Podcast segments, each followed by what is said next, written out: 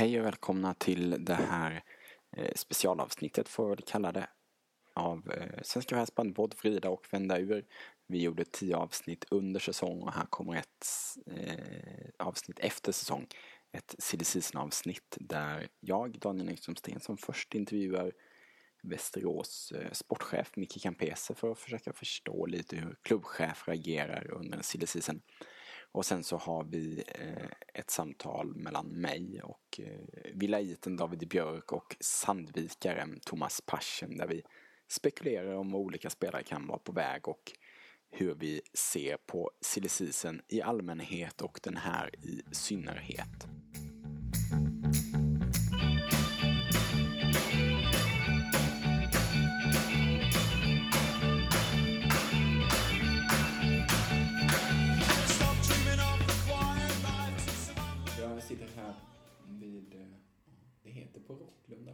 Vid ABB Arena eller vad man nu ska kalla det, men med eh, Mikael Campese, sportchef i VSK bandy och VSK fotboll numera. Och det, det är många som pratar fotboll den här tiden på året, men vi tänkte hålla oss till bandy och den silly season som är på gång. Och, och eh, anledningen egentligen till att jag eh, kontaktade dig och ville göra en intervju är att när vi spelade in, jag tror det är för två år sedan, så spelade vi in en silly season-podd på Svenska fans och då, efter någon av dem där så, så skrev du på Twitter att eh, ungefär, kul att höra vad supportrarna tror, men eh, om de bara visste hur vi tänker.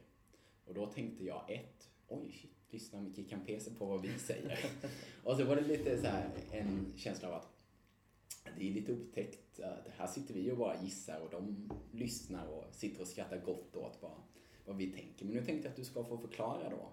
Hur, ja, det låter, det, det låter ju spännande. Välkommen ja. hit förresten. Men det låter ju jättespännande. Får vi se vad jag kan delge och inte. Men lite ska vi kunna ge. Absolut. Ja. Är du, ehm, är du inne på de olika lagens forum och läser vad man gissar Absolut. Eh, det, det, finns ju de som har väldigt bra koll. Och sen tycker jag det, det är ju någonstans, jag brukar säga att idrotten är aktieägare vi har våra medlemmar och supportrar och har våra, våra sponsorer som, som ser till att vi finns. Och det är väl jätteviktigt att se hur de resonerar och tycker och tänker. Det kan ju vara om oss i vissa fall och det kan vara om andra. Så att jag tycker det är jätteviktigt att följa, absolut. Får du veta något där som du inte redan visste? Nej, det ska jag väl inte säga. Det kan väl mer vara att det blir bekräftat kanske om man lägger ihop. Man kan ju lägga ett pussel naturligtvis mm. utifrån det man hör och sen vad det skrivs och så vidare. Så det är väl mer någon bekräftelse att se. För det, som sagt, en del har ju väldigt bra koll så att eh, det, det gäller väl att hänga med och se vad som händer och hur andra funderar i sina klubbar och så vidare. Vad tror du är det vanligaste, vad ska man säga, misstaget som vi supportrar gör när, när vi sitter och spekulerar över vilka vår klubb skulle värva och var den här spelaren kan vara på väg och så vidare. Vad tror du, vad tror du det är vi missar Nej, men jag tror framförallt så, det är svårt att säga, men, men det är ju inte jättelätt att flytta på bandyspelare. Det, det är väl liksom ett A någonstans. Att, eh, har du spelare som har varit rotade väldigt länge, det, det, är inte jättelätt att hitta en lösning. Det finns inte jättemycket tid att, att spela på heller. Så, så att, sen är det väl alltid en, eh, en ekonomisk fråga man kan titta på. Alltså, vad är spelarens ambitionsnivåer? Så sitter väl jag och tittar lite grann. Liksom, att, okay, varför skulle den spelaren gå dit som kommer därifrån? Alltså, så, så sitter väl vi och funderar lite grann och mm. tittar. Man behöver se liksom att vad vill spelaren ha ut av, av sin fortsatta karriär mm. utifrån ålder och, och civil situation och så vidare. Så det finns väl en del parametrar på så sätt. Sen kan jag tycka att i banden så har man ju rätt bra koll ändå. Eh, de som spekulerar. Det är ju inte jättekonstiga saker. Nej, nej. Hur, hur ser det ut? Vi återkommer till det här med sociala mm relationsstatus mm. och annat som ju mm. är viktigt. Men liksom, har, du, har du ett Excel-ark i den här datorn med liksom alla spelares kontraktslängd och så vet du att ja, nu den här spelaren har eh, ett år kvar på sitt kontrakt och den här har två. Och, och den här har förvisso bara fyra månader kvar men har Eh, sambo, två barn och eh, tänker aldrig flytta på sig. Nej, jag har, jag har en Excel-fil på det sättet. Man har ju hyfsat koll på det. Sen kan man ju faktiskt söka upp det via förbundets hemsida lite grann också. Så att, eh, där är det ju bra att det är en hyfsat liten sport på det sättet. Vi har ju hyfsad koll och man, man möter ju spelare och ledare och liksom det där kommer ju fram på ett eller annat sätt Mm. hur, hur läget ser ut. Och det är väl väldigt sällan som man har ringt på måfå till någon som sitter i ett kontrakt. Liksom. Så att det lär man sig ganska snabbt hur det ser ut. Och det sprider sig och ibland så vill väl folk att saker och ting ska sprida sig också eh, på det sättet. Ja, det är ju en sak som jag har funderat på så sent som idag faktiskt när det har kommit lite nya rykten. Är det här eh, som liksom de här olika uppgifterna som sprids, är det är det ni som ibland är med och sprider? Är det spelare själva? Liksom, hur tror du att det där ser ut? Vad är det som avgör om, om eh, när man ringer upp någon och ibland så säger de nej, vill inte prata alls och ibland så blir de lite mer talföra. Ligger det mycket strategi bakom det där eller är det mer på slump? Ja, men jag tror alltså det är nog lite slump. Och, och sen det, det är klart att det har väl hänt någon gång att vi har planterat någonting för att liksom visa ett intresse. Sen behöver man kanske inte plantera just att eh, vi är intresserade av den spelaren. Vi kanske går ut och säger att vi söker en vänsterhalv. Eh, och så kanske några kan få, ja det där kanske skulle kunna vara jag och så vidare. Så att, och det tror jag liksom att det blir mer och mer vedertaget. För någonstans så tittar vi på större sporter. Och, Sen kan jag tycka att bandyn är ganska mild eh, på det sättet, min upplevelse. Och det är väl inte så att vi vill gå ut och sprida rykten eh, på det sättet. Det är väl lite beroende på vad man är också. Det är klart att det såg lite annorlunda ut här för något år sedan. Eh, Så att eh, lite, ja. Mm. Sen tror jag det finns spelare som ibland eh, skickar lite meddelanden via andra spelare och så vidare. Ja. Eller det vet jag ska jag säga. Mm, ja. Ehm, vad är nu då din roll som klubbchef? Det ser väl olika ut i olika klubbar antar jag, men om vi, om vi nu pratar om din roll här, du är klubbchef. Vad är din roll i, i spelarvärvningarna och liksom den här tiden på året? Vad, vad är det du gör? Nej, men den har väl egentligen förändrats också utifrån att det började med att för det första har inte jag spelat bandy någon gång, utan jag är ju fotbollsspelare. Då. Och när jag kom in så var jag inte så involverad i de här frågorna, utan det låg ju på ett sportråd. Eh, sen har ju det här förändrats över tid. Dels utifrån att folk kanske känner igen mig och att jag antar att jag har väl hyfsat öga för sporten i och med att jag kan vara med i de frågorna idag då. Eh, nej men jag har, alltså min roll är ju egentligen att jag, jag har ju ett, ett gäng. Det är ju Ted Andersson, Micke Karlsson naturligtvis, jag och sen har vi tre personer som vi inte namnger som vi också diskuterar med, som är ute väldigt mycket då. Så det är väl vi som diskuterar väldigt mycket hur, eh, vad behöver vi, hur ser det ut på marknaden och så vidare. Sen har det väl blivit så här att det är väl en införsäljningssak lite grann. Den som säljer in klubben och staden bäst gör väl det. Så det är klart att där hamnar jag rätt ofta då i och med att jag säljer klubben i övrigt också. Eh, Men det finns ju de gångerna jag skickar fram Ted eller Micke för att det känns bättre. Så det finns ingen prestige i det här att jag måste ringa till alla.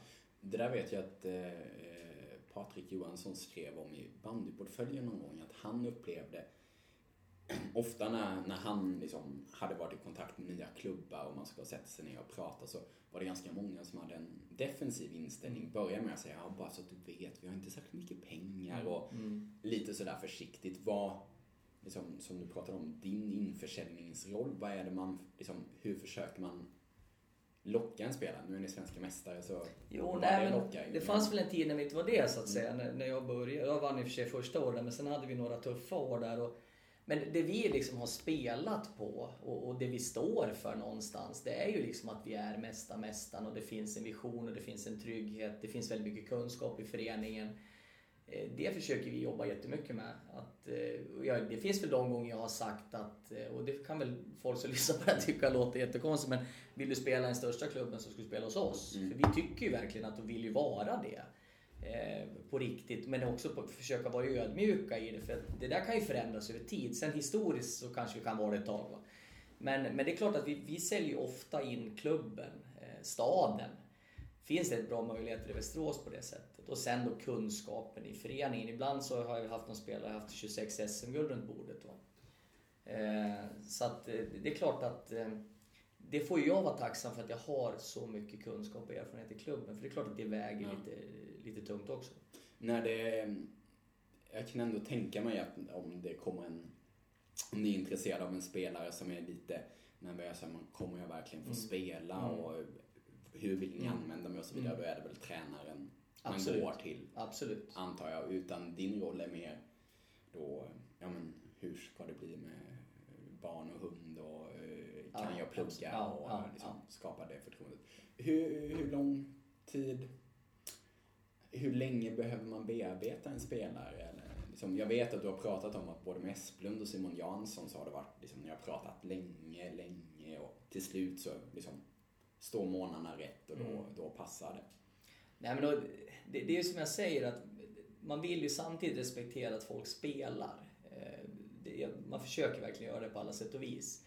Sen är det ju så att det, det är klart att du, du kan ju få fram budskap till någon. Sen, sen har det blivit, det har förändrats lite när vi har kunnat ta oss tillbaka till toppen. Var som jag var inne på lite grann att det kommer ju också väldigt mycket förfrågningar. Jag ska inte säga väldigt mycket och ljuga, men det kommer ett antal liksom att jag är intresserad av att komma till er och så vidare. Mm. Så att, men, men det är klart att det, Och hur funkar det? Är det spelare då som eh, liksom, letar upp ditt nummer och så ringer de? Nej, de ringer till någon av våra spelare som de Ja. känner. Det brukar ofta vara den, den vägen som det är. Det har väl hänt nu under våren att det har kommit eh, några stycken då som via den vägen då. Eh, sen är det ju lite grann det här att jag tror också att eh, man springer på folk. Det är Svenska Cupen, det är World Cup, man träffas på matcher och jag menar, ibland byts det ju något ord och det kan ju vara någon spelare som frågar hur ser det ut nästa år och så, men då hörs vi. Då vet man ju liksom Mm. sådär. Mm. Eller så kanske jag säger bara att eh, vi kanske hörs. Mm. Men man får ju hålla det på en väldigt schysst nivå och det här kanske att ringa mitt i en serie eller ett slutspel, eller den försöker jag hålla mig borta så mycket det bara går. Och, men, och om inte någon liksom säger verkligen så att jag vill att du ringer mig, Mm. då är det inte vi som har gjort det Nej. på det sättet. Nej. Hur, ser det ut? Finns det några formella regler för hur man får kontakta Ja, spelare? vi har ju diskuterat det där fram och tillbaks i svensk elitbandy och det finns väl inga liksom, jättetydliga varianter. Mm. Det är väl någonting vi ska ta upp naturligtvis. Och sen är det ju svårt alltså. Jag säger, vi kommer ju tillbaks till det, är en liten sport på det sättet. Men jag tror framförallt, och det, det känner jag att vi, vi klubbar respekterar var någonstans eh, de andra är när man är intresserad av en spelare. Mm. Eh, Så man inte ringer en motståndare i en semifinalserie eller vad det nu kan Nej. vara. Va? Så det känner jag att det finns en, en bra respekt på det Mm, sättet. mm. Ja, men det verkar, jag, jag tycker också att det har blivit senaste åren kanske tydligare att man förstår att det är kontakt Mm. under längre Mm. perioder. Mm. För tidigare var det väldigt mycket så att Mm. ja, men 31 mars Mm. går kontrakten ut.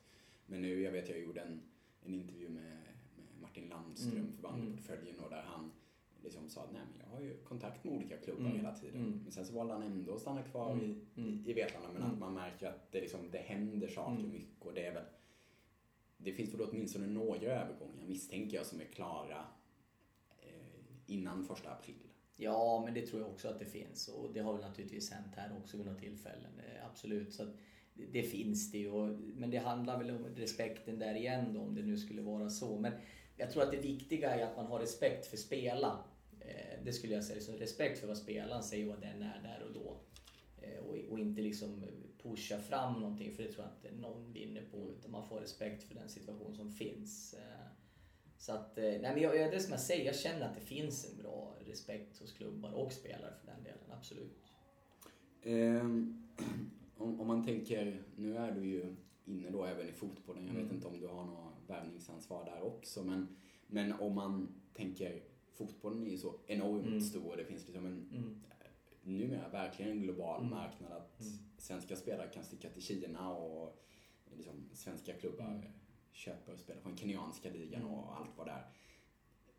Bandyn som du har varit inne på, det är så Mm. oerhört litet. Alltså att du har egentligen i elitserien där alla har koll. Mm. Vet du att ja, men, okej, vi behöver en anfallare som ska göra 25 mål. Mm.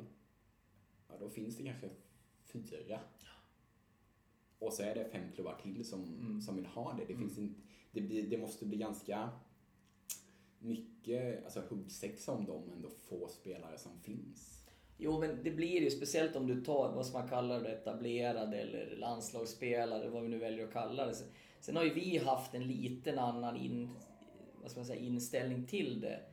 När vi egentligen tog vår nya strategi här, ja, vad blir det nu, tre eller fyra säsonger sedan, så valde vi att titta lite annorlunda. Och det var ju klart att det var väl inte, folk förstod ju kanske inte riktigt när vi liksom plockade dit Simon Folkesson och det finns väl flera namn så, utan de såg väl inte riktigt vad höll VSK på med nu då, men det var ju utifrån hur vi hade bestämt att vi skulle spela för att det, det blir också det blir en huggsexa som du säger och, och spela många på, på lika sätt så passar de här spelarna in. Så Mm. vi valde ju en liten väg där att inte bara behöva ta dem där och då som är, vi ska kalla fixstjärnor eller vad det är. Mm, mm. Sen behöver man kanske få vinna en eller två, va? absolut. Men, men där valde vi en liten annan väg. För, för det är ju någonting som jag också har tänkt på. Ja, men spelare som Mikael Olsson Mm. och Jakob Bucht Mm. som ja, har liksom varit runt i Mm. lite olika Mm. klubbar och, och så kommer de till VSK och nu Mm. är de helt plötsligt liksom del Mm. i, i den här maskinen. Var det, var det svårt att få hit dem? Var det många andra som var viktiga i dem också eller kunde ni arbeta mer ostört där jämfört med Nej, men just i de två Säg fallen. Ja, men så, just i de två fallen så, så var, jag ska inte säga för ingenting är enkelt, men eh, det, det de kom ifrån och, och det vi presenterade och är på väg in i. Så sa i alla fall bägge de två att när de gick härifrån första gången att jag vill spela här. Eh, Och det var väl kanske det vi hade på gång och det vi ville göra och, och sådana delar. Och, och sen tror jag för bägge, de, just de killarna så handlar väldigt mycket om det sociala då. Mm. Vad vi kunde presentera för paket runt omkring. Eh, och sen tror jag att där blir det en betydelse vad du sätter upp för tränarkonstellation och de här killarna runt omkring som kan hjälpa. Det finns en kunskap att ta dem någonstans. Va? Så att, eh, vi har väl försökt titta också. VSK var ju duktiga på det här gången till med Björn-Olle Forsberg. Liksom, att han hittade Göran Rosendahl och liksom, som ingen egentligen visste vad det var då. Liksom. Sen värvar man ju färdiga spelare naturligtvis där också. Men att vi sa det att vi ska också se över vad det finns och vad finns det en potential. Eh, Så att, jag vet inte om det var svar på frågan, det är stor ut- utläggning men... Nej men eh, jag tycker det är intressant för det knyter ju också an till säger, allsvenskan Mm. och vad som finns Mm. där. Mm. Där å ena sidan så är min känsla att det är ganska stor skillnad på Mm. elitserien och Mm. allsvenskan och framförallt målskyttar kanske har man sett ganska Mm. många som Mm. gör eh, över 35 Mm. mål två, tre år i allsvenskan och så kommer de upp och gör åtta i elitserien. Ja. Men det måste ju ändå finnas, eh, ja, som Adam Wik är väl ett sånt till Mm, exempel, till mm, Broberg som mm. kom från Örebro Mm, ganska snabbt. mm. Blev, blev bra. Hur bra koll har ni på allsvenskan och vad, vad finns det att hämta där? Nej, men jag tycker att vi har ganska bra koll. Alltså, där har vi väl lite, vad ska jag säga, tur eller vad man förtjänar tur, jag vet inte. Men vi har ju väldigt mycket tidigare VSK ute i bandy-Sverige. Mm. Eh, vilket hjälper oss ganska mycket i någon form av scoutingverksamhet. För det är ju svårt att, att hålla koll. Ni har inga, det finns liksom inga anställda scouter eller något sånt? Nej, utan det är ju det är ju snarare personer som vi känner som vi ringer och frågar att har du möjlighet att titta? Mm. Och det har vi ett stort antal som vi liksom pratar med på det sättet, absolut. Och det är ju sådana som har en, någon form av anknytning till klubben tidigare som vill hjälpa oss. Eh, sen, sen naturligtvis så tittar man ju på statistik. Va? Eh, och jag försöker gå in och läsa liksom det som står och så vidare. Men man behöver ju se. Sen om det, om det är någon som ringer och säger du, den här behöver ni kolla på. Då gör vi ju det naturligtvis. Va? Mm. Eh, så att... Eh, Ja, för Axel Ekblom var väl en Ja. som kom, kom från Tellus var Ja, kom ifrån då va? och helt okänd för mig i alla fall. Det var, just med Axel var det så här att Lillis, eh, när han var i Hammarby, hade ju haft Axel då eh, uppe och som junior tror jag det var. Då. Sen var det just en, en tidigare VSK-are som, som fanns kring Tellus. Som hade läst då att eh, när Brun tror jag var och stack till Ryssland att vi, vi sökte eh, en försvarare helt enkelt och sa att jag tycker ni ska kolla på Axel. Eh, Och då sa Lillis, ja just ja, han har jag haft och så började vi liksom därifrån någonstans. Och det blev ju liksom från Tellus till SM-final Axel Mm. så att liksom, och var med två guld nu. Så att eh, det är väl en sån här lyckosaga, jag vet inte. Men... Och hur ofta, om man pratar allmänt, ja det finns de här längre liksom Simon Jansson-fallen om man Mm. säger, där man Mm. har pratat länge. Mm. Händer det också att eh, liksom, på två veckor så knyts alltihop, att man egentligen inte har haft någon kontakt och sen så syr man ihop det väldigt snabbt. Men Simon var faktiskt lite så. Alltså, det var ju så här, I och med att Simon är från Köping och, och hans pappa är ju här väldigt ofta så är det klart att vi springer på Thomas och har gjort eh, egentligen sen han stack från SAIK till Edsbyn. Jag vet att första gången jag pratade med Simon var på SM-final 2009. Eh, när vi slog Edsbyn och när han skulle dit. Då stod vi bredvid honom på läktaren och det var första gången som jag pratade med honom. Sen har jag sprungit på Simon men framförallt liksom hans pappa lite grann. Så att där var det ju att Simon är ju, vad ska jag säga då, var ju väldigt mån om att göra det här rätt själv också. Så det, det gick ganska fort faktiskt eh, till slut. Okej. Det, det var inget års jobb utan det, det kanske handlade om en månad. Man ska vara, jag tror faktiskt inte jag ljuger då. Utan när han liksom hade spelat klart lite grann. Det, det fanns ett intresse som någon hade planterat hos mig. Mm. Eh, och, och, i den ambitionen då när, när Johan eh, lämnade så att säga så, så Mickes önskan var Simon. Eh, så att utifrån om det var en månad, en och en halv innan så, så därifrån gick det ganska fort faktiskt. Hur går det till, eh, om man säger den här månaden och nu, eh, mm. vad är det för datum idag? Fjärde, femte april, ja, något ja. sånt. Och liksom, känslan är att det är en vecka nu och en vecka framöver där många bestämmer sig. Mm. Liksom, ringer du varje dag till dem och kollar läget om det är så att någon ni vill ha? Hur, hur ofta ringer man? Är det så att du ber spelare ringa och prata det, med dem? Hur? Det är lite olika naturligtvis. Liksom, det, det, är klart att du har ju landslagsläger där jag menar sen, alltså våra spelare känner vi lite grann, alltså vad vi behöver och hur vi skulle... Jag behöver, ibland så behöver inte vi säga så mycket heller. Utan det är ju så att det är klart att när de träffas på olika sätt så pratar ju de och jag tror naturligtvis så är de människor och undrar Ja men hur är det i Vetlanda eller VSK eller Edsbyn? Alltså man pratar på det sättet för det kan ju ingen liksom hindra dem från att göra. Eh, sen är det så det beror ju liksom på vem du jobbar med. Jag menar, tar du Johan-fallet så, Johan var, ja, så var det ju väldigt länge och jag tror jag träffade Johan liksom på 20 olika ställen i Sverige. tror jag det blev till slut. Och liksom, tills att Simon var rätt tydlig att han ville hit. Och liksom, så att det är ju lite olika eh, vem du jobbar med helt enkelt. Mm. Hur... Eh, det händer väl, det har väl hänt att spelare tackar nej också? Ja, såklart. Hur, hur gör de? Liksom, ringer de upp och säger att du, jag skrev på för det här laget? Eller liksom, ser du på bandypuls att, jaha, ser man på? nej, nej, men jag tycker de sköter det ganska bra att de ringer och säger. Och jag tycker också att de flesta jag har varit i kontakt med, det börjar bli några år nu, men det är väl när jag går in i min nionde säsong eller någonting. Jag tycker att eh, om man tar antalet spelare man har pratat med så tycker jag också att de sköter det bra och är ganska ärliga sådär. Eh, sen förstår jag att de sitter i en förhandlingssituation och behöver ju se till den naturligtvis. Mm, mm. Eh, det är väl något fall som jag har blivit rent ut sagt förbannad, men det, det, är, väl, alltså, det, det är ju ytterst få gånger. Alltså. Mm. Men och är det då att du blir arg för att de valde som du tycker är ett sämre alternativ eller är det att de liksom inte har hört av sig ordentligt utan du trodde, du satt här och väntade med färdigt kontrakt och sen så stack de någon annanstans ja, och skrev jag, på? Jag tror väl att, jag menar jag förstår samtidigt som jag kan tycka, jag, jag brukar alltid ha inställning, eller vi ska jag säga, att vara väldigt öppna och ärliga. Eh, och säga liksom att det är det här vi kan erbjuda, det är så här det ser ut. Var ärlig mot oss så är det inga problem, brukar vi försöka liksom mm. implementera. Och det, de, gång, de få gånger som jag kanske tänker på, då har det ju blivit liksom att ja, men jag ska spela hos er.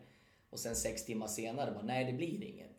Och då kanske man har fixat ett jobb på en vecka, en lägenhet mitt i stan och, och så vidare. Och det är klart att den ärligheten skulle jag vilja ha, för jag kan respektera att jag valde det här istället. Eh, mm. Och, och behöver inte veta anledningar heller, men att jag får veta det. Eh, för det är klart att det är inte skitlätt att värva bandyspelare med att du behöver ha jobb och lägenheter, om det är dagisplatser, vad det nu kan vara. Mm. Men, men, som sagt, av antalet spelare så är det ytterst få som jag har blivit besviken på. Ska jag säga. Mm. Ja, det, det är väl kanske det som som skiljer ut sig om man, om man jämför kanske bandy jämfört med hockey mm. eller även fotboll. Att, mm. liksom att det sipprar ju ner även hos oss supportrar. Mm. Att är man inne på liksom, västra sidan så får man mm. veta ganska snabbt att Lars Fall har tydligen köpt hus mm. för att de mm. ska flytta hem. Och, liksom, jag vet onödigt mycket om vilka sambosar som är gravida och liksom, sådana där saker. Ja, ja. Det är sällan man hör det om, om hockeyspelare. Mm. Och det har väl att göra med, antar jag, att det är lägre ekonomisk ersättning. I hockey kan du, ja, kanske inte till Örnsköldsvik längre, men något ja. liknande. Liksom. Du kan ta tre år där för att du tjänar så pass bra. Nej men det är klart att det är så. Det, det blir ju en helt annan en helt annan inställning till det på det sättet. Man behöver lösa fler saker. Så att, det tror jag handlar mycket om det. Eh, eller det är ju oavkortat det, för det, det krävs mycket mer att, mm. att göra den här förflyttningen på, på en familj eller vad det kan vara. En sak som också man pratar skillnad bandy fotboll och som jag vet att vi hade en kort Twitter-diskussion om förra våren var övergångssummor. Mm. Och där du eh, skrev att det vore, det vore väldigt skadligt för banden om det är så att man börjar köpa loss varandra mm. från kontrakten. Mm. Vad är det som i fotboll så köper man ju loss spelare lite då och då. Och det blir ett sätt för klubbar att ta in pengar. Men för det första så, så är det väl så här att, och det ska man ju ha klart för sig också, att omsättning och att ha pengar är ju en stor, stor skillnad. Vi, vi får ju ofta höra nu att ni har pengar.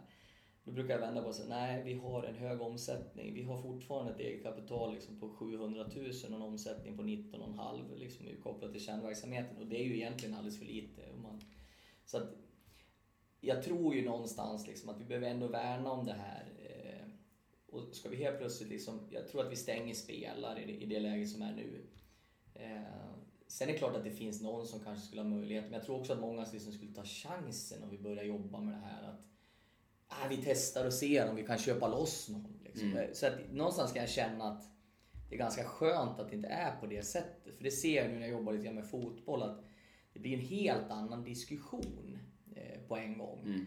Och, och, man är beredd att hoppa lite grann från tian utan liksom att ha koll på det på det sättet. Så att jag tycker att där bandyn är idag så känns det väldigt bekvämt att det är på det sättet. Och du är inte inne och petar i trupper varken in eller ut utan Nej. det ser ganska lika ut. Mm. Och det är väl lite bandy, men jag, jag, jag, tycker inte att det är fel. Du var inne på tidigare att spelare kan bli, eh, bli väldigt... Ja, du kan ibland känna att de behandlar, eh, inte är riktigt ärliga. Jag får ju känslan av, och det kanske är för att jag då själv håller på en mindre klubb, att jag kan höra att eh, ja, men de har pratat med den här och den här spelaren som är liksom högt upp mm, i, mm. i hierarkin. Och så tror man att det där kommer aldrig bli något. Men de har ändå varit där och pratat. Mm. Och då kanske inte alltid av ett genuint intresse mm. utan att det är helt enkelt bra att när man ska träffa mm. VSK så är det bra mm. att säga att du förresten, jag var nere i Vetlanda också mm. och eh, bara mm. så att du vet, du är inte ensam om att vilja ha mig. Är det någonting som ni märker av att det kanske är så hela tiden att spelaren vill spela här men har varit och pratat i tre andra klubbar för att kunna sätta lite press på er? Ja men det, det kanske är så. Det, det, det kan väl mycket väl vara så. Det, man kan väl vända till sig själv hur man kanske skulle agera. Det har väl jag gjort någon gång när jag spelar fotboll och man lyssnar ju av. Men sen tror jag också att det, alltså, det finns ju väldigt många klubbar i banden idag som faktiskt har någonting på gång också. Mm. mm. Det, det, får man ju faktiskt säga att det har ju, det har ju förändrats, vilket är fantastiskt bra för oss allihopa. Så jag menar, alla får ju inte plats i de som kom etta, tvåa, trea året innan nej, så att säga. Nej. Så att jag, där kan jag tycka att det har blivit någonting positivt. Sen är det klart att en spelare behöver ju marknadsföra sig själv och, och liksom, eh, naturligtvis kunna sätta press på, på den de pratar med och kanske på oss i vissa fall naturligtvis. Så att eh, det är väl så det funkar och så behöver det väl vara också kan jag tycka. Liksom. Någonting som, om man ska prata lite om den silly vi befinner mm. oss i så är det väl en, en sak att det finns helt plötsligt ganska många målvakter. Mm. Det, om Bergvall fortsätter så är det inget stort problem för er även om ni kanske ändå är... Vi ska inte prata om vad VSK nej, vill ha. Nej, nej, men, men eh, det här att vissa år så blir det, finns det helt plötsligt ganska många bra målvakter mm. ute. Mm. För några år sedan så var det, det kanske var då ni tog in Axel Ekblom, mm. det känns som att det finns inga backar lediga. Mm. I år är väl lite känslan att, ja, vill man värva en bra anfallare så är det inte så jättemånga namn kvar egentligen. Det där går i cykler lite ja. grann. Hur, kan man som klubbchef liksom räkna in det där? Att nu vet vi att ja, vi kanske behöver en anfallare men det är jättesvårt att hitta någon. Liksom, hur tänker man kring Nej, men det, det, blir ju ett pussel du lägger och det är ju lite beroende skulle jag säga om jag jämför de här kvartsfinalåren som faktiskt var fyra stycken. Som, det var inte alls så, så lätt att få ihop det. Vi höll på ganska länge in på, på vår, kanske tidig sommar till och med. Eh, det, det, förändras ju lite grann när man tar sig lite grann uppåt. Eh, gör det. Som, som nu sitter vi ganska tryggt och känner att vi jobbar liksom hela tiden ett år framåt. Och mm. hoppas ju kunna göra det ett tag mm. naturligtvis. Så att vi ligger liksom en säsong före hela tiden om man förklarar det på det sättet. Som gör att, eh, okej, okay, vad behöver vi ha då 16, 17, nej vad blir det, 17, 18 är väl vi i nu då. Ni funderar på ja. vem ni ska värva 2017. Ja, ja. Och där var vi definitivt inte då 2000, vad blir det då, 13 var det väl då, 12, 13. Eh, utan då var det ju mer att vad får vi hit? Eh, och då var ju vi i ett läge där vi också behövde prata med väldigt många. Eh, mm. Som vi kanske inte behöver göra på samma sätt idag. Nej, för det har jag också funderat på att det måste ju vara, om man säger att det finns lite olika mm. ja, hyllor som Bosse Mm. Andersson pratade om i Mm. en annan intervju. Att eh, man, alla vill ju värva landslagsspelare, Ja, ja. men alla kan inte. Nej. Och så finns det en grupp under Mm. och så, det blir också ett vågspel där, okej, vi har en kille som vi är ganska nöjda med, Mm. som har utgående kontrakt. Vi skulle hellre ha en bättre spelare Mm. där. Men risken är att han går till en Mm. annan klubb och hur länge vågar vi Mm. vänta med att ge vår kille ett Mm. kontrakt? Liksom, hur, hur mycket kyla kan man ha där? Och har du varit med om att du har gått miste om spelare? Ja, men absolut. Det är klart att vi har det. Sen har du väl några fall om du tar till exempel som jag var inne på Bucht och Folkesson som vi såg väldigt tidigt. För Bucht såg vi ju liksom 2010 i VSK Baltic tror jag. Mm. Eh, Men så kände vi så att, ah, kanske inte nu då. Och så blev det en lucka här. Ja, bra. Och, och Simon Folksson var likadan. Han kvalade ju mot, med Örebro mot Sirius något år som jag inte minns. Jag vet att Micke Karlsson och jag var där. Och jag inte tittat på någon annan. Och så sa den där 91 ser ju lite spännande ut liksom sådär. Men ja, vi får avvakta och se. Och så, och I det fallet var ju liksom, jag har ju fullaste respekt för Broberg, men det, det blev ju, för oss blev det jättebra att han hamnade där. och det är vi ju tacksamma för idag. Och tackar ju Broberg att de har gjort ett jättejobb. Så att det, det blir ju ett pussel att hålla på med. Sen vill ju vi gärna ta reda på vem är personen. Vi är ju väldigt kanske överdrivet inne på det att det ska vara rätt person. Vi har väl tackat nej till landslagsspelare för att ta icke landslagsspelare för vi tycker att det är eh, rätt person. Eller tacka nej ska jag inte säga, men vi kanske inte ens har kontaktat Nej. också. För att vi ser att den här passar bättre in i våran, vårat format på Ja. Det är kanske en lyx man kan ha som, som svensk mästare eller var det redan Nej men det har vi nog haft. eh? Jag tror faktiskt att det lever kvar ända sedan Björn Nordlund och Karl-Erik och de höll på att individen, jag, vet att många säger det, fast vi kanske överdriver det till och med, jag vet inte, men det, men det är oerhört viktigt. Eh, Det finns ju de som tycker att vi är tråkiga och liksom på det sättet, men du ska bära varumärke på ett visst sätt och ja, det ena med det fjärde. Va? Och vi spelar ju på det, vi vill gärna vara, vara där och vi trivs med det. Eh, Och då är inte alla, det finns ju de som har sagt, det här kan inte jag spela. Nej. Och fullast respekt för det. Eh, För vi ställer lite krav och sådär. Det är ju en, jag vet inte om det är en klyscha eller en sanning, men ofta som man hör är ju eh, spelare skriver på för klubb X och säger att eh, då kan både spelaren och klubben säga nej, nej, det handlar inte om pengar utan det är liksom utmaning och det är liksom sociala aspekter Mm. och sådär. Och sen så den klubben som fick nej Mm. Säger, kanske inte i media, men om man pratar med honom, nej men du, han fick ju 20% mer i den andra klubben. Mm. Hur, hur mycket sanning är det i det där att ja, men vi tycker det, vi konkurrerar inte med pengar utan vi konkurrerar med andra saker? Är din känsla allmänt? Ja, men jag, jag, tror, jag tror så här att, eh, och jag menar det har jag ju stått och sagt offentligt också, att vi har ju varit med och drivit naturligtvis eh, lönenivåerna under ett antal år. Samtidigt så är det så här, om man tittar på truppen idag, så är det att vi har en väldigt bred trupp. Vi har ganska många spelare. Eh, vi har inte några jättetoppar, utan det ser ganska jämnt ut. Gör det. Och det, det har ju varit en, en strategi att, eh, att ha det på det sättet nu de här senaste och hur vi vill ha det framåt. Jag kommer dra ner, eller jag har fått på mig att dra ner, för vi vill inte hamna där vi var tidigare utan verkligen se över så att vi klarar av det vi håller på med och så vidare. Så att, det är klart att i vissa fall tror jag att det handlar om pengar, men i slutklämmen så, så blir det ganska marginella pengar ändå på, på, på något sätt, eh, skulle jag säga. Så att, jag tror att det är en helhet. Sen, vad, är 20 procent? Liksom? Det Ja. vet vi ju inte, liksom, för det är Nej. någon, det är någon Nej. summa där i grunden Ja. som ligger. Ja. Jag vet någon spelare som spelar med oss nu som kom hit och sa väl här uppe på kontoret till någon kollega att Ja, jag, tror jag kom till VSK och trodde jag skulle få tjäna mycket mer. Liksom, sådär. Eh, så att det, det gäller att hålla en balans. Hur, hur funkar det? När, liksom, när det har kommit så långt, ja, men nu är jag, okej, jag är intresserad av att Mm. spela i VSK. Säger de, slänger de ju en summa att så här mycket vill jag ha, så här mycket hade jag i min förra klubb, så här mycket vill jag ha här.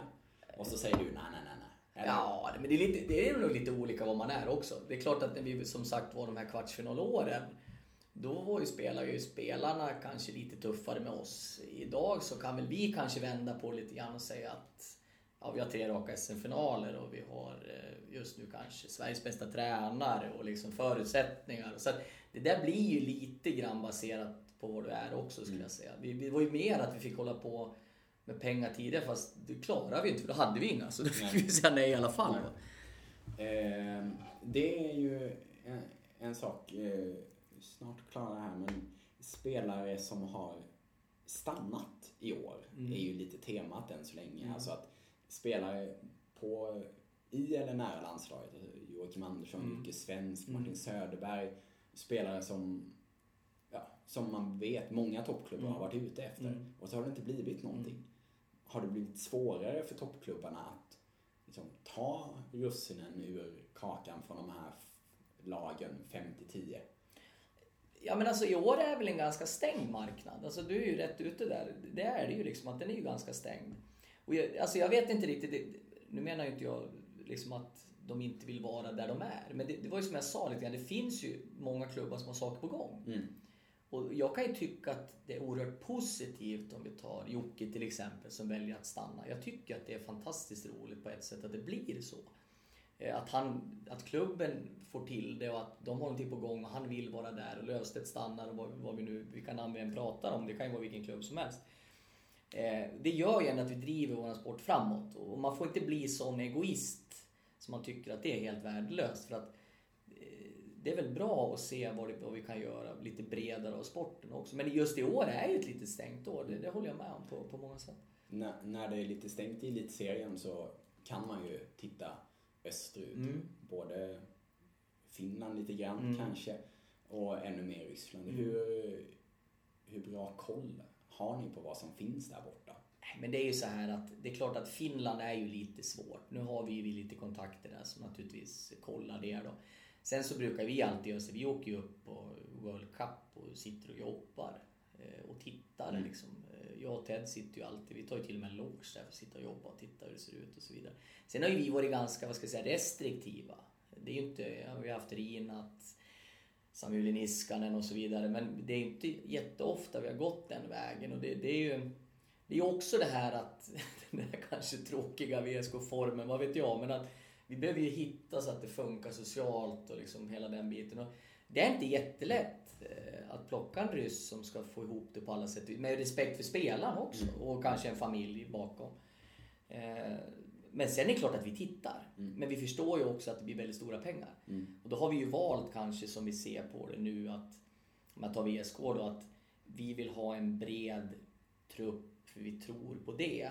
Eh, än att kanske ha en eller två jättefixstjärnor på det sättet. Där vred vi väl om lite om Johan nu var en fixstjärna, vilket han är på det sättet. Va? Så vi tänkt om ytterligare, även om det var ett kollektiv när Johan var här, för det ville vi ju ha. Vi ville ha ett kollektiv med, med en spets eh, på det sättet. Så att eh, vi har koll, absolut. Jag skulle säga att vi har bra koll. Eh, Men, men hittills har det inte varit under mina år aktuellt. Tror, tror du att det kommer någon, någon kan- inte då till VSK utan allmänt liksom, vad får du för känsla? Är, är klubbar intresserade av att titta åt Ryssland eller hur? Ja, det, det tror jag att... Jag menar, det är vi väl alla på ett eller annat sätt. Sen är väl frågan, vem tittar vi på? Och vem är ens möjlig? Eh, Det får man ju ha med sig kanske som supporter också. Är det här liksom genomförbart? Det är inte självklart att Nej. Ryskelding kommer. Nej, det, det är ju inte det. Va? Han, har ju, han var ju här och hälsade på Johan eh, någon, den sommar Johan kom. Och naturligtvis så passar vi på att morsa på honom. Liksom. Men det är ju en väldigt stor grej att, att göra. Liksom. Och, och det, är ett- det är ett stort ansvar. Det, det är inte bara liksom lönen och, och det, utan det, är- det är en familj som kommer också. Så, så det är ganska tufft. Där. Bra. Eh, då får vi se. Det är två spännande, eller två spännande, men det känns som att det är nu det kommer hända mycket och du sitter säkert och vet, vet saker som kommer Ja. ut ganska snart. Jo då, sen kan jag väl säga att det kommer inte hända så mycket kring VSK och det, och det menar jag. Okej. Det kommer det inte att göra. Utan sen så, det är en ganska stängd marknad i år, eh, är det absolut. Sen kommer det väl hända ett och annat, men jag tror ju inte att det blir så jättestora grejer. Alla vet ju lite grann hur det ser ut och det spekuleras rätt bra på forumen, så jag tror inte att de är helt fel ute. Ja. Tack så jättemycket. Tack själv!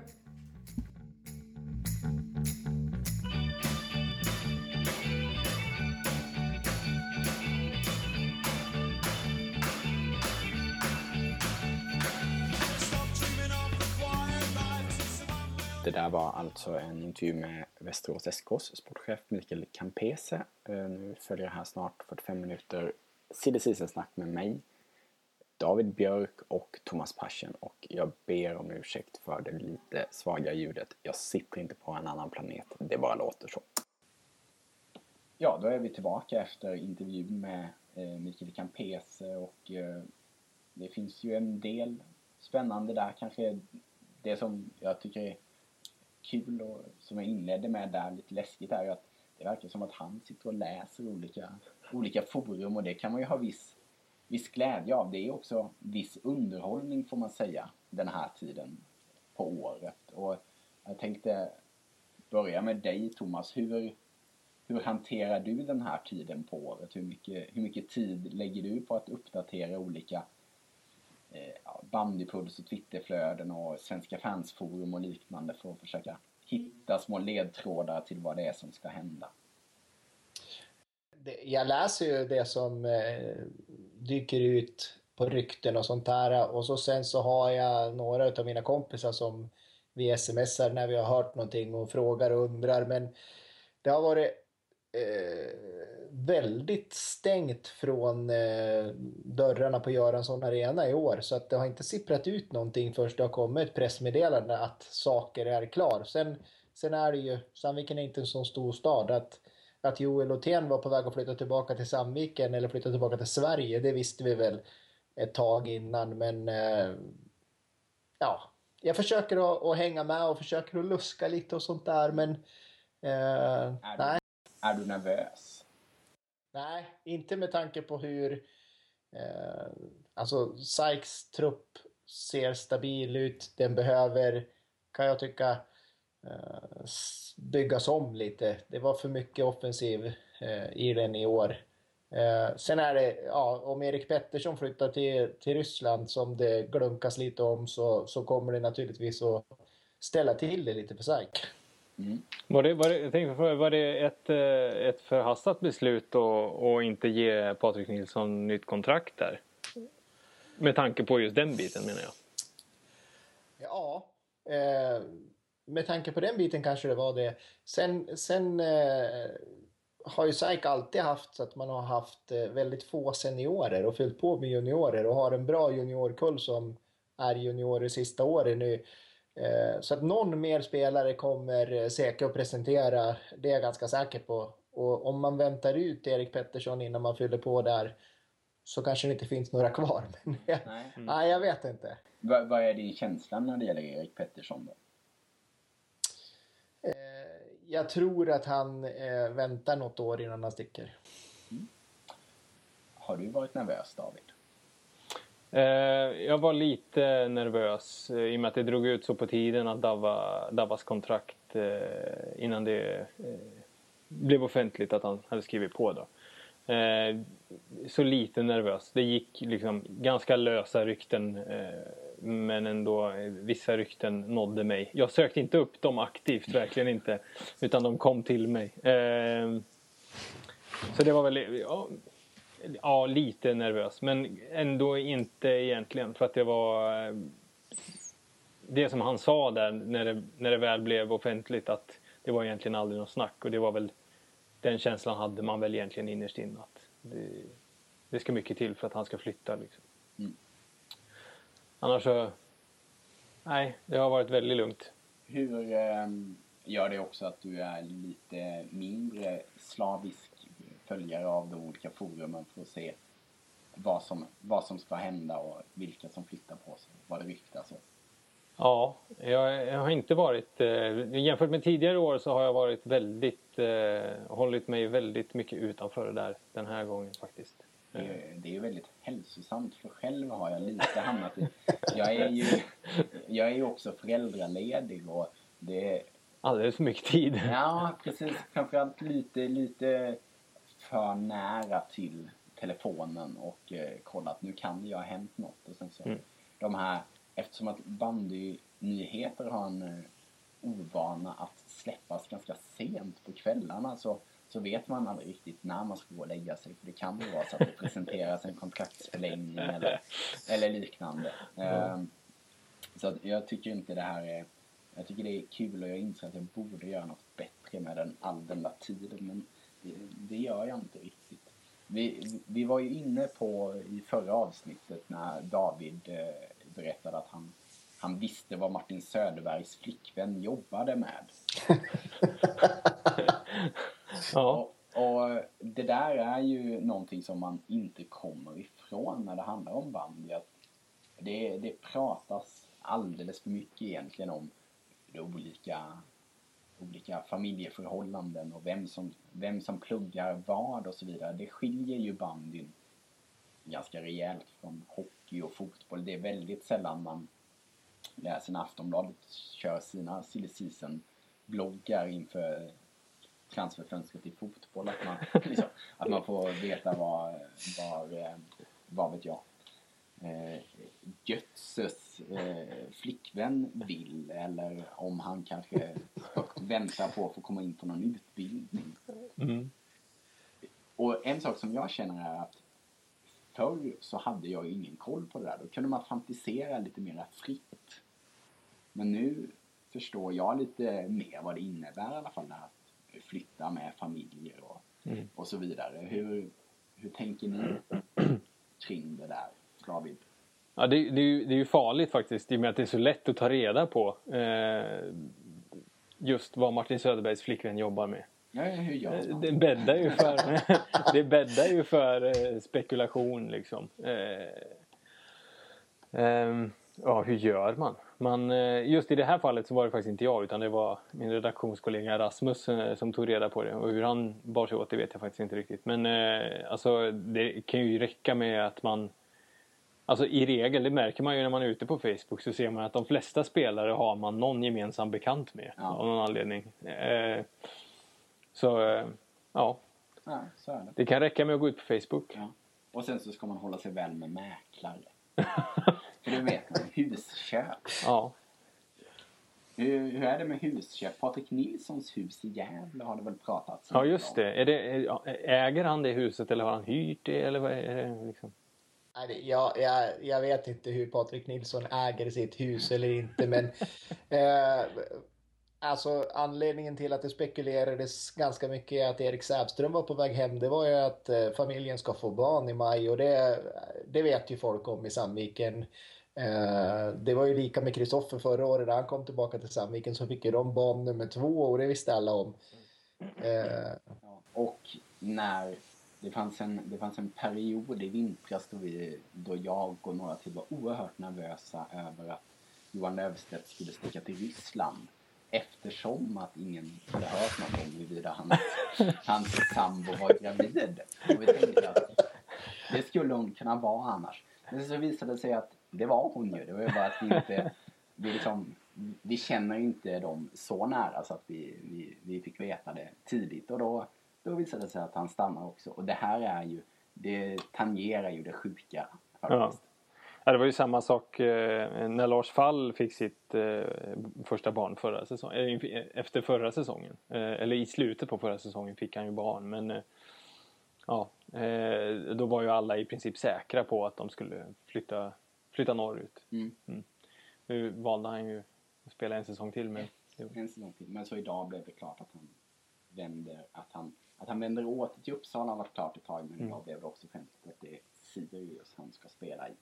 Eh, det, det är ju mycket ändå nervositet och eh, det händer mycket både kul och tråkiga saker under den, under den här tiden. Du Thomas sa att du hade en fin historia om besök på Sandvik som du fick nys om. Ja, det, eh, när vi, Thomas Forsberg och jag drev eh, Svenska fans på SAIK-sidan då eh, ringde min telefon och så sa den som ringde att eh, ordföranden i SAIK var på hans avdelning tillsammans med Robin Sundin. Och då skrev vi ut att Robin Sundin, eh, eh SAIK försöker locka Robin Sundin med jobb på Sandvik. Och så gick det en timme och så ringde tränaren som var då och sa, hur fan kan ni veta det? Vi har ju nyss suttit i möte med honom, han är ju här nu. Eh, men ja, det gäller att ha de här bra kontakterna. Sen blev det ju inte Robin Sundin i, i SAIK. Kan ha varit samtidigt som Sävström kom istället. Och, om det var så länge sedan. Det var kanske ett bra val till slut. Ja, jag hade kunnat haft båda. Ja, just det. Varför nöja sig med en när man kan få två? Ehm, och det där...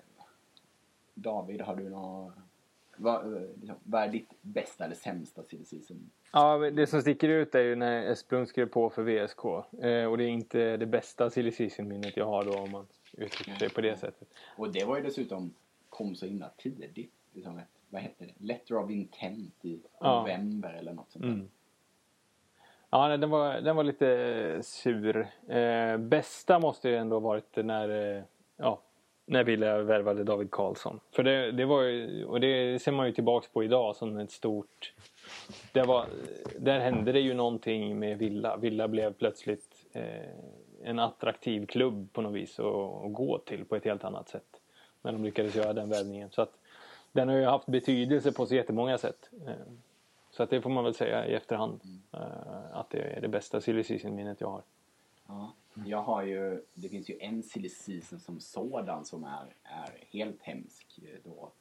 eh, Våren 2011 när på kort tid eh, Thomas Knutsson, Marcus Sixtensson Ottonsson, Johan Löfstedt, Tim Persson och någon mer som jag inte minns här nu eh, lämnar klubben på kort tid. Då, då förstod man att det skulle bli en, bli en tung säsong. Annars är väl det enskilt jobbigaste skulle jag säga när, när Jesper Jonsson gick till Hammarby. Det var, det var tungt.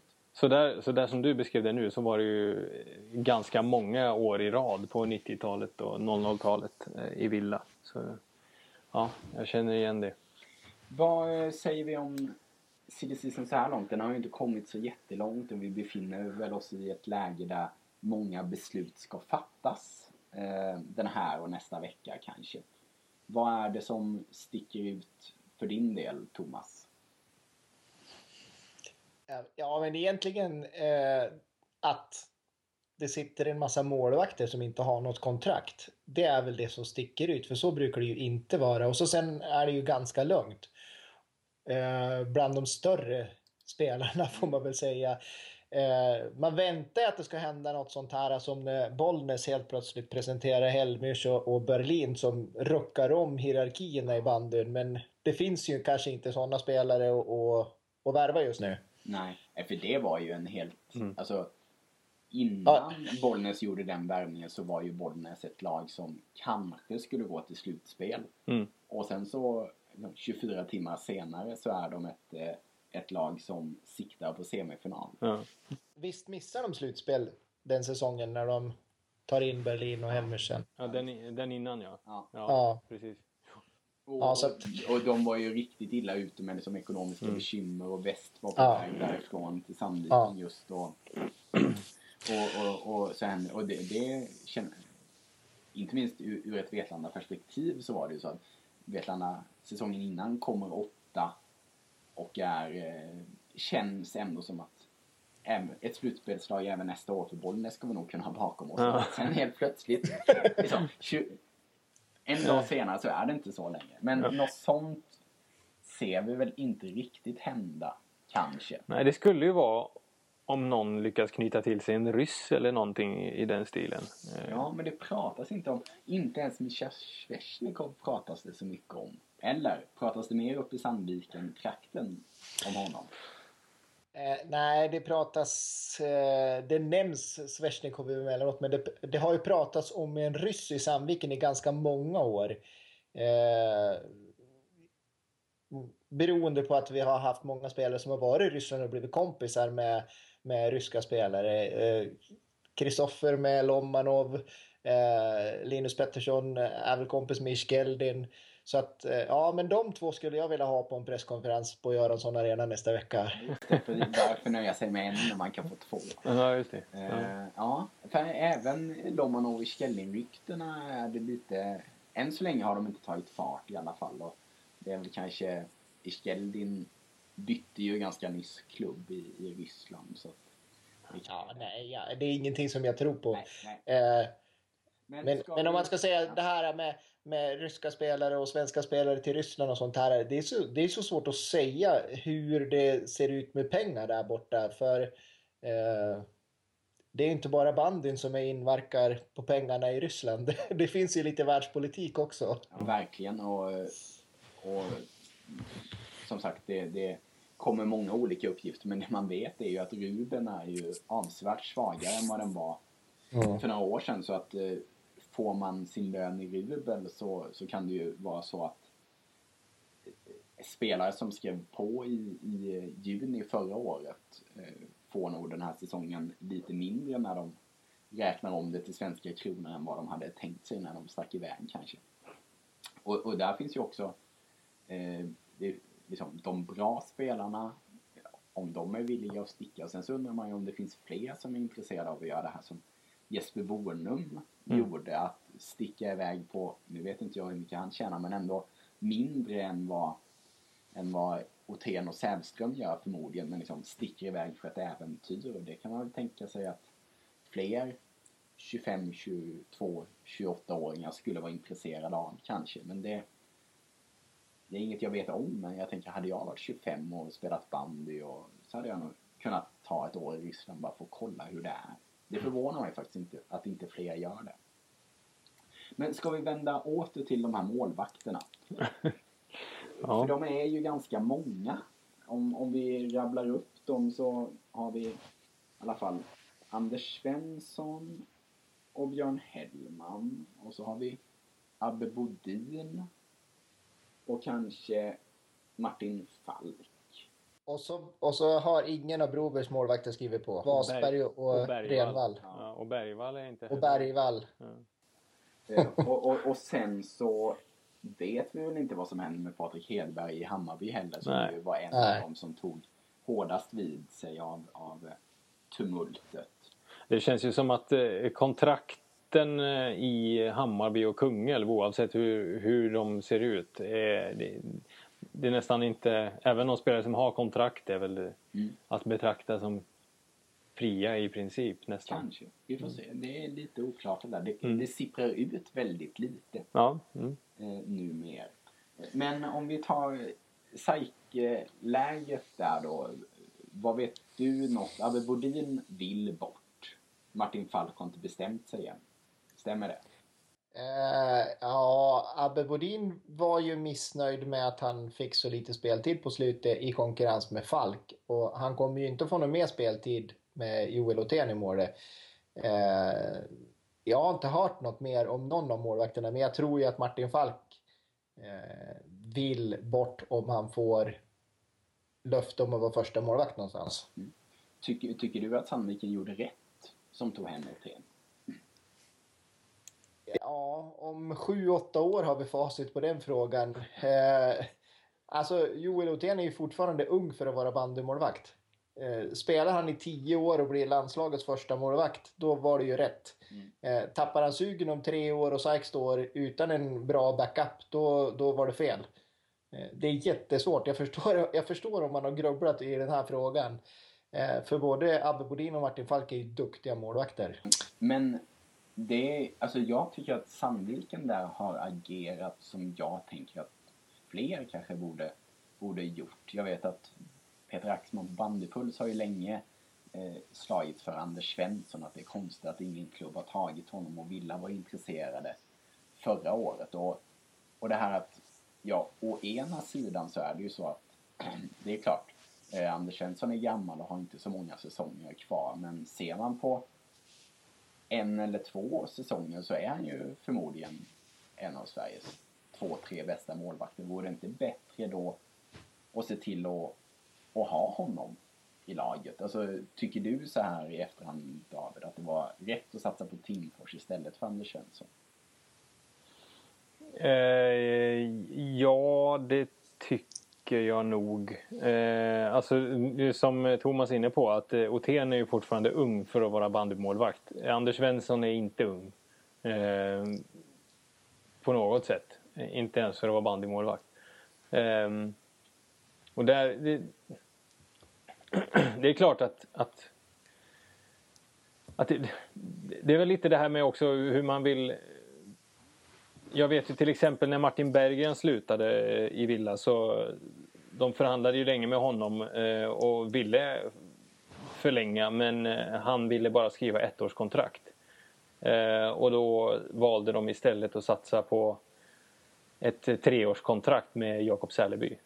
Vilket inte föll väl ut alls. Men, men ändå för att få liksom den här stabiliteten. Och då, ja, ska man då knyta till sig eh, en förvisso riktigt, riktigt bra målvakt eh, som är i 40-årsåldern på ett år? Eller ska man ta en sån som Jesper Timfors som är 28? Mm. Mm. Eh, och kanske skriva ett, ett lite längre kontrakt så tycker jag nog att det sistnämnda är rätt väg att gå. Nio gånger av tio. Ja. Tror vi att Anders Svensson får en svensk klubb i år? Kalix. Kalix? Tror du han vill flytta dit? Nej, men de måste väl vara desperata nu. Ja, så är det ju. Det Björn Hellman, det sa han ju faktiskt i när jag intervjuade honom för den här podden, när vi pratade just om flytten, att han, han drog sig lite för att flytta eftersom att han vet hur svårt det är att skaffa en målvakt där uppe. Mm. Men samtidigt så finns det ju då ett gäng lediga. Abbe Bodin till Kalix? Ja, det vore väl något. Ja, eh, ja.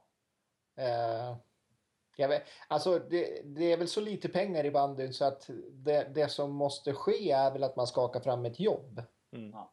Och hur arbetsmarknaden ser ut i Kalix, det, det kan jag inte uttala mig om. Men den är nog inte mycket, den är nog inte mycket sämre än i exempelvis Bollnäs och Söderhamn. Tycker Nej. jag jag såg när jag såg någon genomgång av kommunens arbetslöshet härförleden. Eh, Alltså det är den typen av sillyforskning som du gör Ja men faktiskt. Jag noterade, jag noterade att både Söderhamn och Bollnäs låg på 15% arbetslöshet ungefär. Ja, ja. Men, eh, men det brukar ju vara enklare för bandyspelare att få ett jobb än för gemene man i alla fall. Eh, men och så har vi ju då Renvall Vasberg. Det känns väl som att Broberg kanske inte förlänger med dem för att man funderar på om man kan få något annat. Kanske mm. Anders Svensson. Eller Martin Falk. Ja, kanske. Ja, men alltså, jag, tror, jag tror att eh, både Vasberg och Renvall eh, också är lite missnöjda med det här att man delar på jobbet. Mm. Målvakter vill gärna vara första målvakt. Eh, så det kanske blir någon av dem som blir kvar och så får de eh, hitta en backup. Är det så att det är väldigt dyrt att ta in en målvakt och är det, är det så att man värderar målvakterna lite för lite kanske? Att det finns... Eh, en, en bra målvakt kan ju göra oerhört stor skillnad men ändå så... Jag skulle säga att av de här målvakterna som är lediga, Svensson, Hellman, Falk åtminstone, och så vet vi inte hur det är med Patrik Hedberg så finns det ju en hel del klubbar som har sämre målvakter än de här tre. Men ändå är det ingen riktig eh, känslan huggsexa om de här och då är min fråga, är det så att man på något sätt inte värderar en, en bra målvakt tillräckligt mycket? Eller så är det stabilitet man är ute efter bara. Ja. Ja. Ja, jag, jag vet inte. Eh, men alltså, om de, är, om de är tysta inom klubbarna utåt mot oss så tror jag att de känner varandra allihopa. Ja. Blir det en målvakt utan kontrakt någonstans så ja, men, eh, då ringer man till någon som man har spelat pojklandslaget med och säger så här, hur har ni det? Vilka, vad har ni för möjligheter? Kan du prata med din tränare? Det, jag tror att de har jävligt bra koll på vart folk vill och vilka som vill ha vad och, och så håller man i sina spelare. Mm. Om, om det är någonting som, eh, det finns just nu då ganska, ganska mycket, mycket målvakter men man kanske är lite obenägen att ändra där så finns det ju väldigt få anfallare eh, lediga eftersom att de som det förmodligen var huggsexa om, Jocke Andersson och eh, Martin Söderberg, båda valde att förlänga. Och sen så, det finns inte så fasligt mycket anfallare. Det är väl ja, Patrik Nilsson naturligtvis. Kalle Mårtensson är väl utan, utan kontrakt och det säger väl ändå någonting när Vänersborg väljer att, eh, ska vi säga, damma av Alexander Majborn. Ja. Eh, och ska vi gå in då på Patrik Nilsson som är liksom den stora lediga anfalls S1. Var, var, var hamnar han? Ska Thomas få börja? Ja, jag tycker det är bäst. Annars kommer jag göra bort mig. Eh, jag vet ju att när Patrik Nilsson kom tillbaka till Sandviken så såg han fram emot att spela med brorsan, med Micke. Mm. Och då blev Micke skadad eh, i slutspelet och kom aldrig tillbaka och fick inte kontrakt här. Så de är ju sugen att spela tillsammans. Eh, Daniel. Ja. Eh, Och, och, Men eh, har de hus, de har hus i Gävle och han har väl också barn nu och från Gävle kan man pendla till eh, eh, norrut, till Bollnäs, Broberg eller Sirius eller Hammarby. Så ska de bo kvar så är det väl de som är aktuella. Tillberga har ju viskats om också. ja. Ja, Men där får man väl eh, säga som så att eh, det vis av erfarenhet det är inte enkelt för lagen där nere att eh, värva bra även om man har stora ambitioner och kanske också en liten pengapåse så brukar det, det vara svårt. Men vi får väl se. Jag har ju naturligtvis också funderat på, på Patrik Nilsson och det har ju, det har ju viskats om Vetlanda och Patrik Nilsson även, även förut. Men det har det ju även gjorts om eh, Bollnäs och Hammarby. Och, och där kan väl jag eh, känna att det är ingen, både Vetlanda har ju direkt förnekat att man skulle ha någon kontakt med honom. Bollnäs var lite, lite tveksamma. Vad det där betyder vet man ju aldrig för att det som sägs nu spelar ju lite roll får man säga. Men Patrik Nilsson har vid flera olika tillfällen haft klubbar att välja mellan och det har alltid slutat med antingen Sandviken eller Hammarby. Ja. och, så att eh, jag, ja. jag tycker det lutar åt att det slutar med Hammarby den här gången. Men vi får väl se. Samtidigt så är ju Patrik Nilsson, han har ju haft eh, sina skadeproblem och har ju mått bra av att träna inomhus på en hård is hela tiden. Så att jag tror, han sa ju vid någon intervju att det spelar ingen roll om det är inne eller ute. Eh, men det tror jag att det gör. Eh, jag tror att eh, både han och den klubben han går till måste ju vara mån om att han kan spela hela säsongen. Mm. Och då är ju Sirius tränar ju inne och spelar Ja, ute. ja. Det är liksom... Eh, men frågan är om han är sugen på att spela i ett lag Ja. som... Ja, Mm. nej, det, det, det blir spännande. Vi, vi var ju inne lite på att eh, då, eh, både Martin Söderberg och Jocke Andersson stannar kvar. Det har varit lite av eh, stannandets silly season än så länge. Eh, där vi ju vet att det har varit klubbar högre upp som har varit ute efter Jocke Svensk exempelvis, som Martin Söderberg och Jocke Andersson och även Johan Löfstedt och alla, alla av dem stannar. Är det, liksom, är det svårare för toppklubbarna att värva nu för tiden eller är de inte lika intresserade längre? Eller ni som, ni som är toppklubbar? Jag tror väl att det är en kombination kanske av att intresset eh, från toppklubbarna är lite svalare än vanligt. Eh, plus att de här spelarna ändå har, eh, alltså klubbarna som ligger strax under toppskiktet har lyckats bygga upp Eh, en organisation och eh, en stämning och, och eh, ganska ja, en, en klart, bättre, klart bättre förutsättningar för, för att, att motivera spelare till att stanna helt enkelt. Och dessutom har glappet mellan toppskikt och mellanskikt eh, minskat lite grann. Eh, Mm. Så att, eh, ja. För, för känslan är ju att om man går in lite på lagen att VSK, Villa och SAIK alla sitter ganska lugnt i båten. Eh, Campese sa ju själv i intervjun att det kommer nog inte hända så mycket i, i VSK. Du var inne på det tidigare Thomas att det kanske är någonting ytterligare in i, i Sandviken och i Villa. Kanske det kommer eller inte kommer in en högerhalv. Ja, Och det är Precis. väl det i stort sett. ja precis. Eh, medan det däremot då i de här, ska vi säga, jagande lagen Bollnäs, Vetlanda, Vänersborg, Edsbyn, Broberg och kanske Tillberga. Där är känslan att där går man efter, efter lite fler namn. Men så, så mycket namn finns det ju inte så att alla de där klubbarna kommer ju inte kunna lyckas eh, att dra till sig något, något stort namn. Eh, och ett namn som då finns där i, i Vänersborg men som är av intresse för en del av de andra är ju Kristoffer Fagerström. Han är väl ihop med Patrik Nilsson det kanske hetaste, hetaste namnet på marknaden. Var hamnar han? David? Eh, jag tror att han hamnar i... Han hamnar där han är. I Vänersborg till slut. Eh, kan vara, jag har svårt att se att han ska hamna någon annanstans inom Sverige. Möjligen då att, att, eh, att han kan tänka sig att ta eh, en avstickare till Ryssland då. Eh, beroende på... Ja, vi har ju redan berört Ryssland lite grann. Mm. Men eh, det är den möjligheten jag ser eventuellt. Har du några kloka tankar om Kristoffer Fagerström, Thomas? Jag har ju varit lite sådär så jag tycker att han är en spelare som skulle passa i SAIK för att han är en annorlunda spelare som går lite mer rakt fram.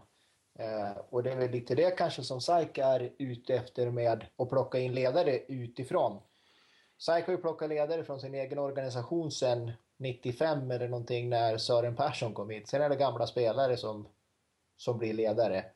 Eh, och då kanske det skulle passa att plocka in en spelare som, som gör några andra saker än vad resten av SAIK-spelarna gör. Jag vet Ja, inte. för det är ju, det, snart sagt alla klubbar har ju kopplats ihop med honom. Och Mm. känslan är väl att det är inte VSK och det är inte Villa.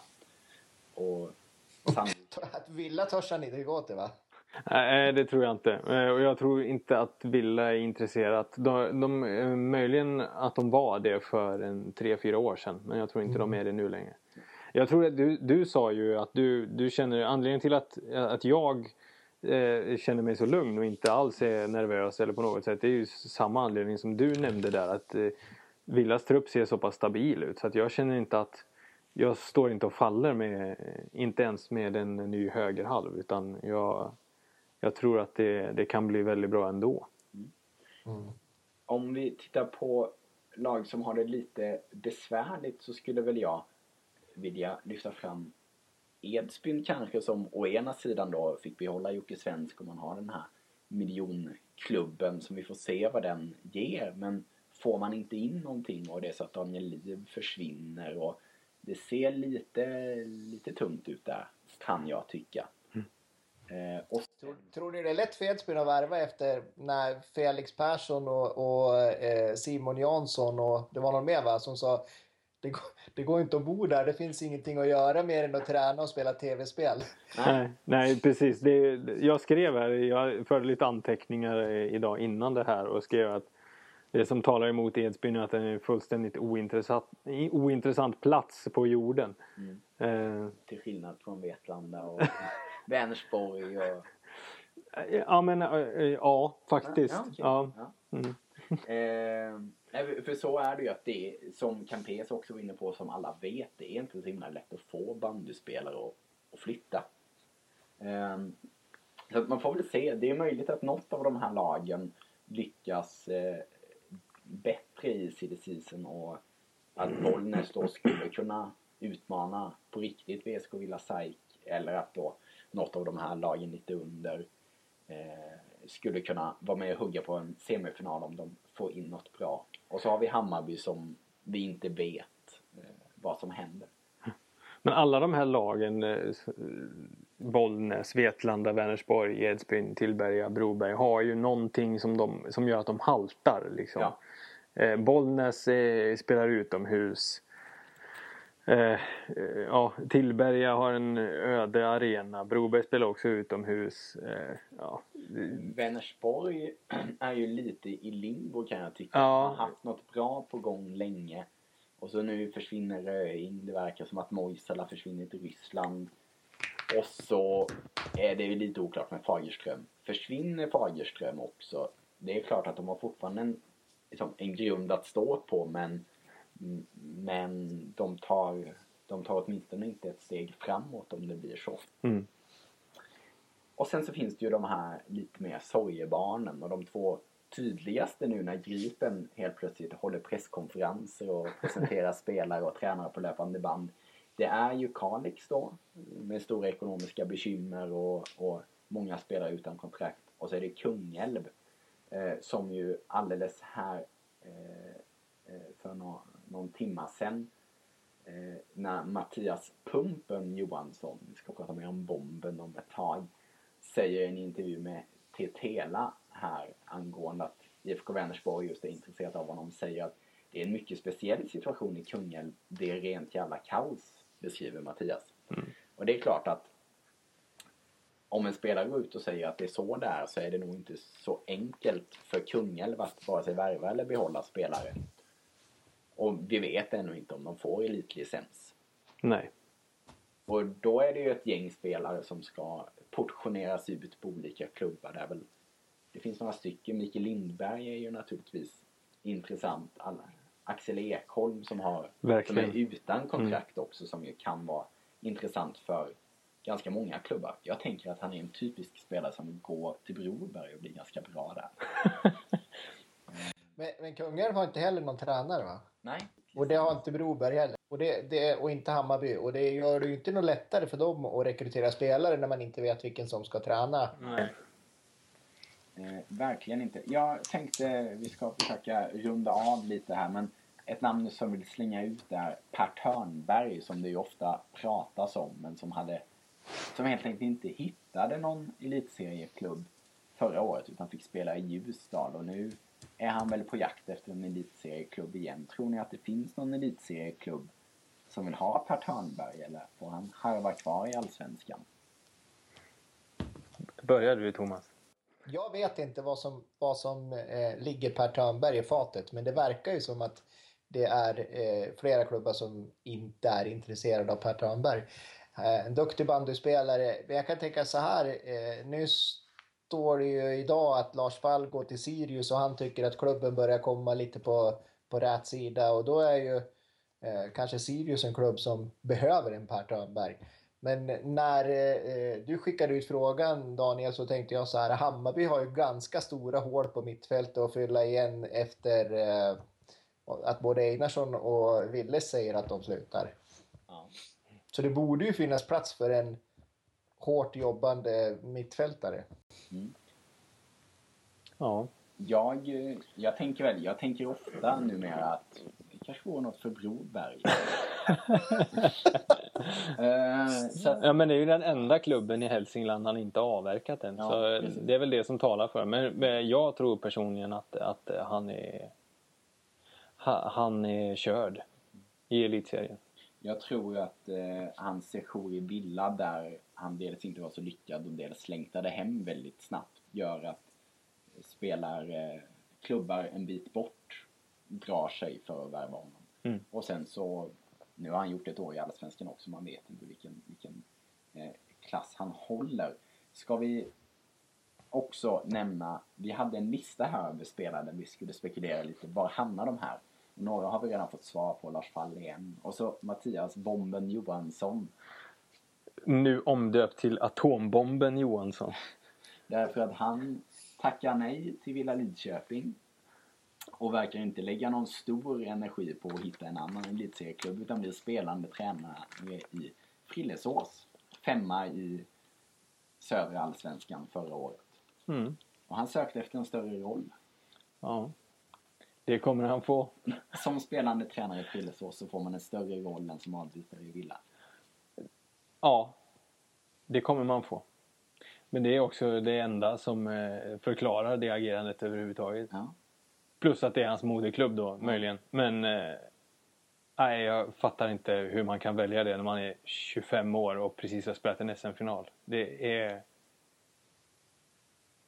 Är det ah, typiskt ja, bandy?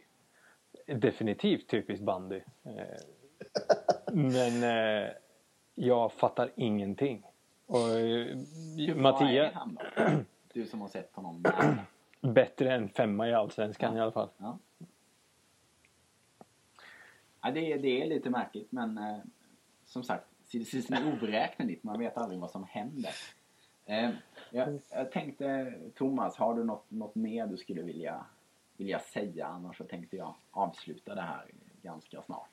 Jag, jag, vi var ju inne på Hammarby lite, men Ja. eh, vi, vi stökade undan Hammarby. Och, eh, som det har lyst igenom nu så hade ju de en ganska stökig säsong. Men sen har de varit ganska duktiga på att lägga locket på efteråt.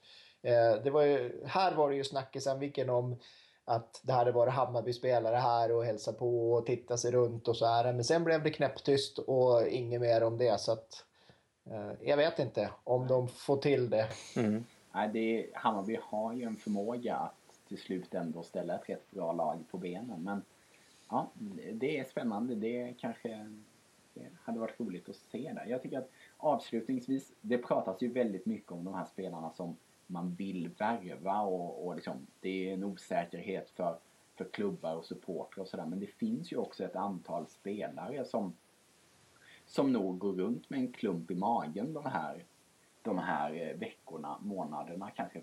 Och det är ju de som har utgående kontrakt och det inte är någon som ringer riktigt. Mm. Som gärna, alltså Marcus Wikman i Bollnäs är väl det tydliga exemplet att han hade nog gärna spelat i Bollnäs men det fick han inte.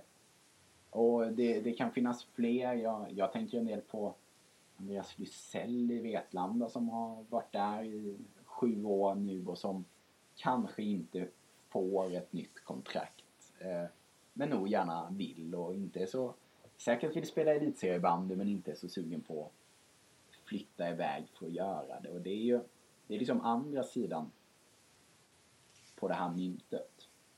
Jag tänker på det med han Johansson som gick till, till allsvenskan också. Det är ju så, det är så svårt att, att bestämma sig i- för en allsvensk klubb att nu plockar vi in den och den som är kontraktlös där och så satsar vi på att komma upp till elitserien eftersom eh, det är ett tufft kval eh, där det sällan är någon som lyckas.